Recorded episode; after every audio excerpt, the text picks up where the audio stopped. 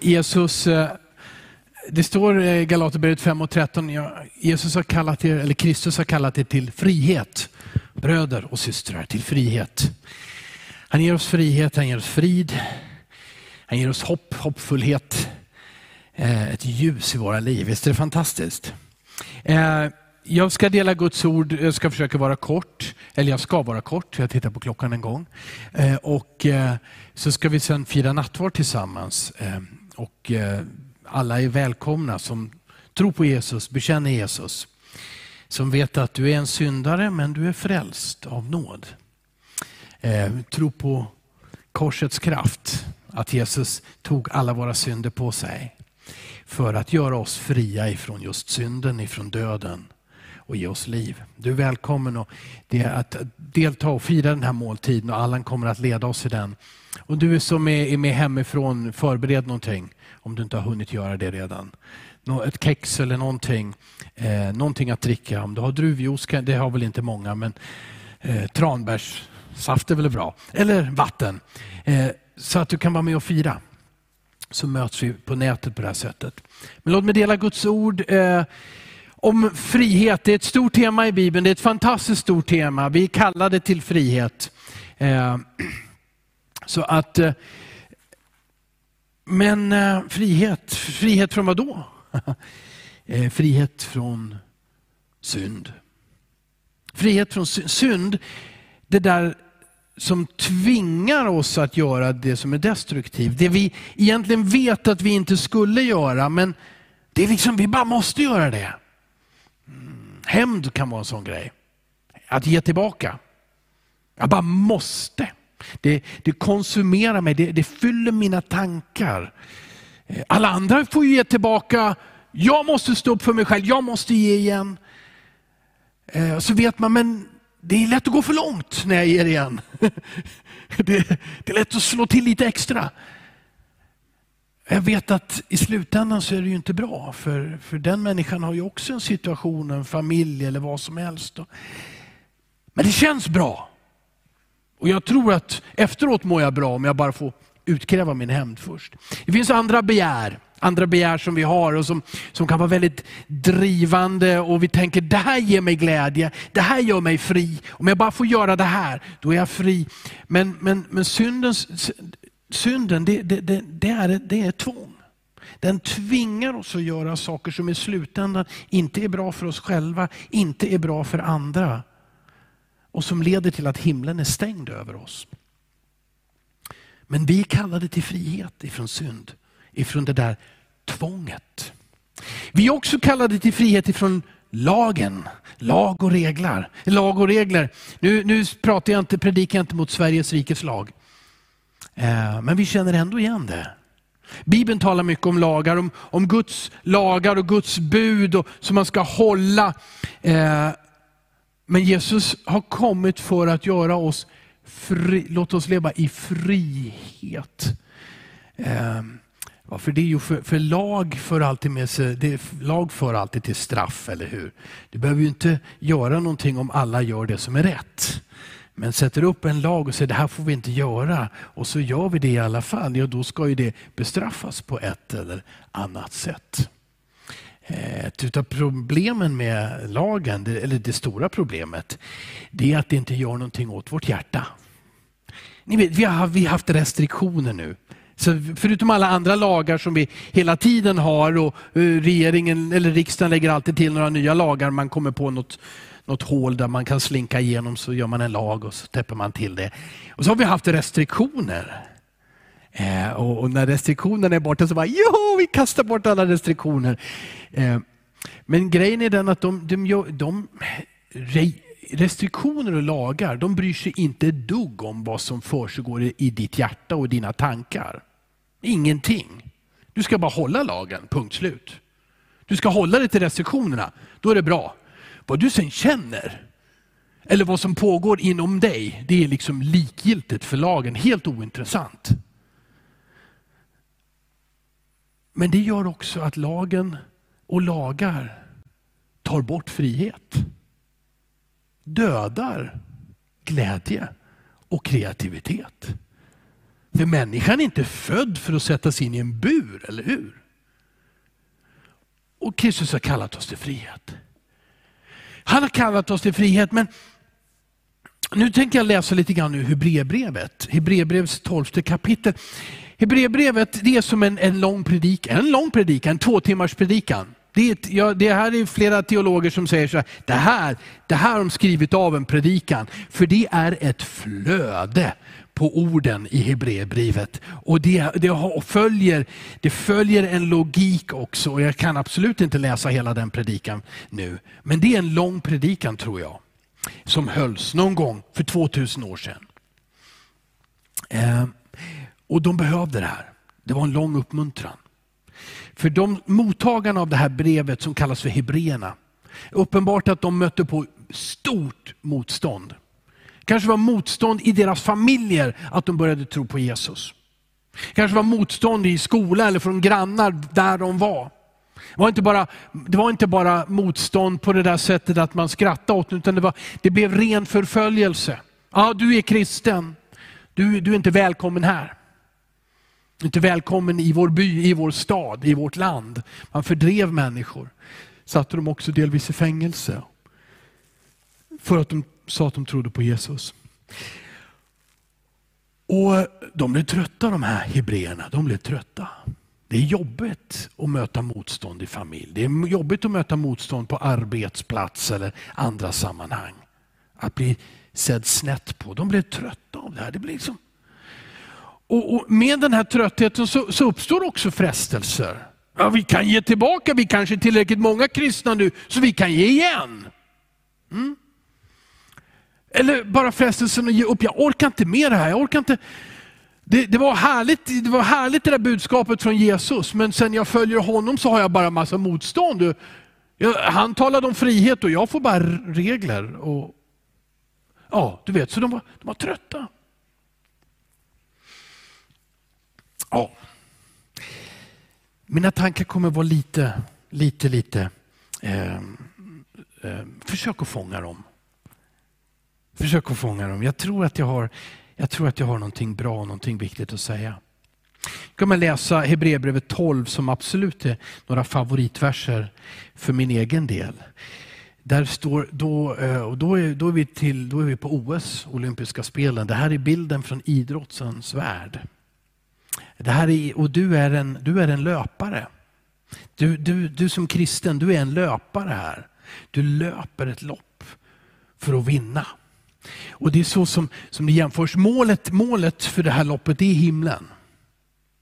Men nu löper du och så just i den här stunden, och det kanske är ett maratonlopp, så kommer du in på arenan. Ni vet, springer man Stockholmsmaran, den slutar alltid på stadion i Stockholm. Ja? Och, och, så springer man sista varvet där så att säga. För då inleds det så här, när vi nu har en så stor sky av vittnen omkring oss och då är det bilden från en arena. Och då, de här vittnena, de har nämnts i kapitlet innan. Det är, det är alla dessa män och kvinnor, hjältar ur gamla testamentet, som trodde på Gud. De höll fast i honom fast de mötte oerhört mycket motstånd och förföljelse och inte sällan till och med döden för att de trodde på Gud. Men så skriver författaren, eller så säger predikanten, ni har en sky av vittnen uppe på arenan. Och de bara ropar, för nu har du sprungit maraton 42 kilometer, nu har du bara 100 meter kvar. Och de bara ropar, du klarar det! Så, att nu, nu är det, så det här är det första han säger, ni har en sky av vittnen, män och kvinnor som har gått före er i det här. Låt oss lägga bort allt som tynger och särskilt synden som snärjer oss så hårt. Och vi har väl alla läst om de grekiska idrottsmännen i antiken. De var tydligen nakna. Det var liksom, de la verkligen bort allt som tyngde. Här gällde det att vara smidig och lätt, så, så lätt som möjligt. In, inga stora tyngder, inga kläder. Kanske när man tränar däremot. När man tränar så använder man tyngder på olika sätt. Va? För att göra det tyngre, anstränga musklerna mer. Men när man tävlar, då lägger man bort allt det. Och, de sa, lägg, och han skriver till dem, nej, nej nu kommer upp på upploppet här och ni springer, ni ser alla det som hejar på er. Se till att ni inte har någonting som tynger er. Och framför allt inte synden, för den tynger inte bara utan man gör den, den, den snärjer. Den har effekten av att bli till ett rep runt dina fötter som fäller dig. Och här, här, skriver han alltså till kristna män och kvinnor som tror på Jesus, som bekänner Jesus, som ber om helande, som vittnar för människor och som vill framåt. De möts i olika lokaler, i olika hem. De hade inga kyrkobyggnader som vi har. De möttes, söndagen på den tiden i romarriket var en arbetsdag. De möttes tidigt, tidigt på morgonen. Man fick inte sova ut till klockan 11. Vi har ju svårt att vakna upp till klockan 11 på en söndag och komma till kyrkan, många av oss. De hade en arbetsdag som säkerligen började vid sjutiden eller solens uppgång. Så de gick upp supertidigt på söndag, för de ville vara i gudstjänst. Men de blev också trötta. De blev trötta av motståndet och, och det, utav motståndet blev det också frestelser. De ville ge upp. Och då säger han, skriver han eller hon, vem det nu som har skrivit Hebreerbrevet, lägg bort alla tyngder, särskilt synden som snärjer oss så hårt. Och löp uthålligt i det lopp vi har framför oss. Jag kan läsa de andra verserna senare. Jag tycker de är fantastiska. Och titta på klockan.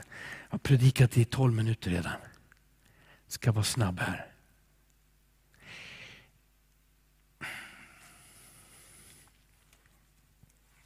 Frihet. Du kallar till frihet. Du kallar till frihet. Men frihet, du kallar till frihet från synd och, frihet ifrån lag. Ehm, men frihet, frihet kan missbrukas. Bibeln säger det, vi kallar det till frihet, men frihet kan missbrukas. Det är lätt att vi säger, jag är fri, Ingen dömer mig, ingen ska döma mig. Jag är fri att göra vad jag vill.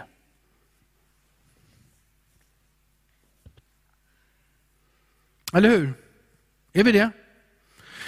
Jag vet inte om det här är en bra bild, men om jag hade en hammare i handen och här ligger tummen. Vi säger, nu börjar vi med min tumme då. Vi tar din tumme om en liten stund. Ja, hammare.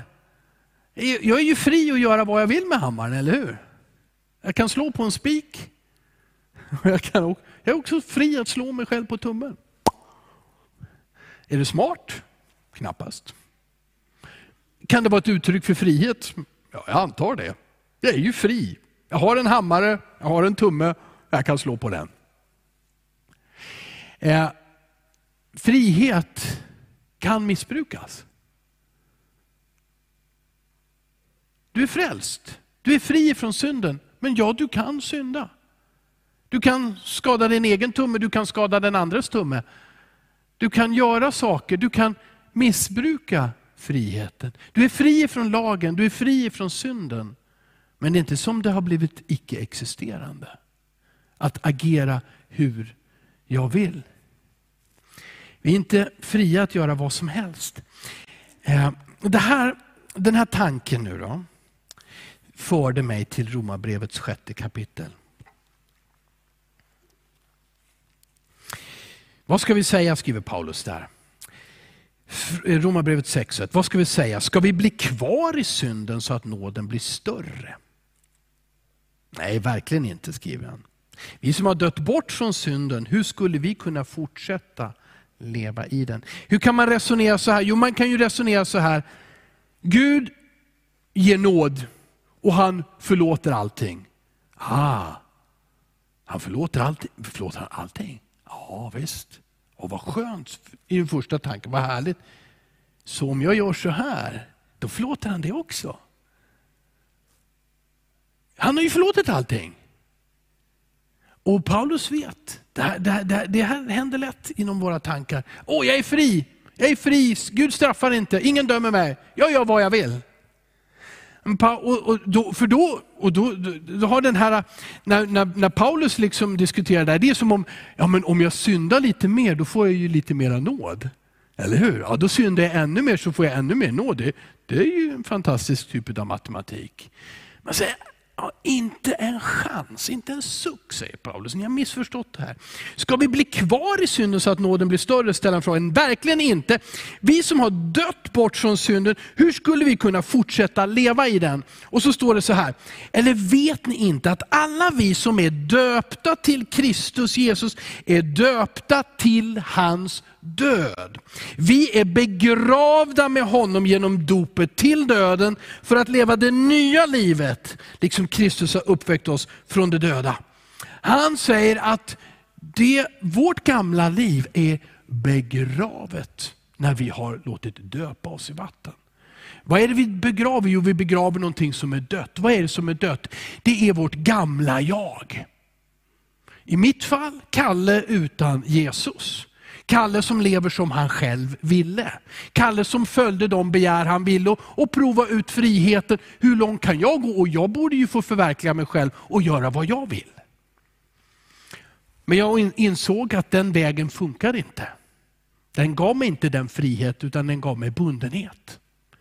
Därför tog jag emot Jesus. Och då säger Bibeln att när jag tog emot Jesus, då dog den gamle Kalle. Och den har jag begravt i dopgraven. Och den har du begravt i dopet. Och om den lever inte, så låt dig inte luras. Problemet är ju att den här gamle Kalle, det ibland verkar som han ligger kvar där i vattnet och försöker komma upp själv. Han gör sig påmind. Ja, det var ju skönt på den tiden. Då gjorde jag vad jag ville. Det, det, finns ju, man kan ju tänka nostalgiska tankar om detta. Men han gör sig påmind. Men det är ett faktum att han lever inte. För för Gud är det så här, att din och min synd, den bar han. Jesus bar den på korset.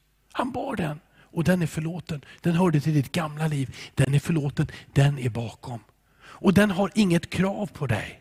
Den kan inte säga du måste följa ditt begär, du är som ett djur, gör så här. Nej, du är fri. Därför säger Bibeln åter, skippa det, strunta i det. Vi vet, står det i vers 6, Romarbrevet 6, vi vet att vår gamla människa har blivit korsfäst med Kristus för att syndens kropp ska berövas sin makt, så att vi inte längre är slavar under synden. Du som tror på Jesus är inte slav under synden. Din gamla jag lever inte. Du är inte slav under begär. Intala inte dig själv att du är tvingad. Jesus har dött för dig och gjort dig fri. Men vi ska inte missbruka det här. Och därför så, tänker, därför så säger Hebreerbrevet, när du kommer in på upploppet, du springer med Jesus, du lever med honom. Så säger han, ta bort allt som tynger. Nu ta bort allt som tynger. Titta på alla dessa vittnen, alla dessa människor som har gått före, som har haft det tufft, som har utmanats på olika sätt. De har sprungit loppet och upplevt Guds nåd hela livet igenom. Håll ut. Ge inte upp. Och Det finns så mycket mera tankar som jag skulle vilja dela, men det kan jag inte göra på grund av tiden anser jag. Men vi går tillbaka till Hebreerbrevets tolfte kapitel. Eh, och så står det i andra versen, låt oss ha blicken fäst på Jesus, trons upphovsman och fullkomnare. Hur ska vi göra? Jo, vi ska fästa blicken på Jesus. Vad gjorde han? Jo, för att nå den glädje som låg framför honom uthärdade han korset utan att bry sig om skammen och sitter nu på högra sidan om Guds tron. Tänk på honom som fick ut sådan fiendskap från syndare så att ni inte tröttnar och tappar modet. Det är därför han skriver det här brevet. Ni ska inte tröttna och tappa modet. Titta på Jesus. Han mötte motstånd hela sitt liv. Han var godheten själv och han spred godhet. Han helade de sjuka, han upprättade människor som var, som var utsatta och förtryckta. Till och med han som var godheten själv blev slagen, blev torterad, blev mördad på ett kors. Han säger, se på honom. Vad var det som var drivkraften? Han hade en glädje. Han såg, ja, om jag dör, då kommer alla människor att få förlåtelse. Då tar jag deras straff på mig. Och vilken glädje, tänkte Jesus. Då ska jag hålla ut vad som än händer. För andra människors skull. Han såg inte på sig själv, sina egna fördelar, sin bekvämlighet. Han såg på dig och mig och sa, vilken glädje jag ser vid målet. Jag ska få människor, till och med, och det här, det här är, det jag säger nu, det här är fakta. För Jesus är Guds son. Det här är fakta. Jesus såg män och kvinnor, killar och tjejer i Eskilstuna 2022. Det här är fakta, för det här är Guds son. Och han var glad. Han, för honom är det inte svårt. För dig och mig är det svårt, men för honom är det inte svårt att tänka 2000 år framåt och 2000, eller 1992 kanske det blir då, alltså 2000 minus 30. Ja, I alla fall. Att blicka in och se den här killen, den här mannen, den här kvinnan och säga, vilken glädje. Att någon ska berätta för honom och henne om Jesus. Och han och hon ska ta emot Jesus och så ska han få gå in i en frihet. En frihet ifrån synd. Var det så kunde Jesus göra det här. Och Hebreerbrevet går. Se på, jag ska inte röra mig mer, okej. Okay. Se på Jesus står det. Då tappar ni inte modet. Han utstod så mycket svårigheter. Håll fast, bara blicka på honom. Och till avslutning nu då. I min något förvirrade och korta, halvkorta predikan. Räkna dig själv, se dig själv som ett med Kristus. Så här, det här säger Bibeln, när Jesus dog, då dog din synd, då dog du. När Jesus uppstod, då måste byta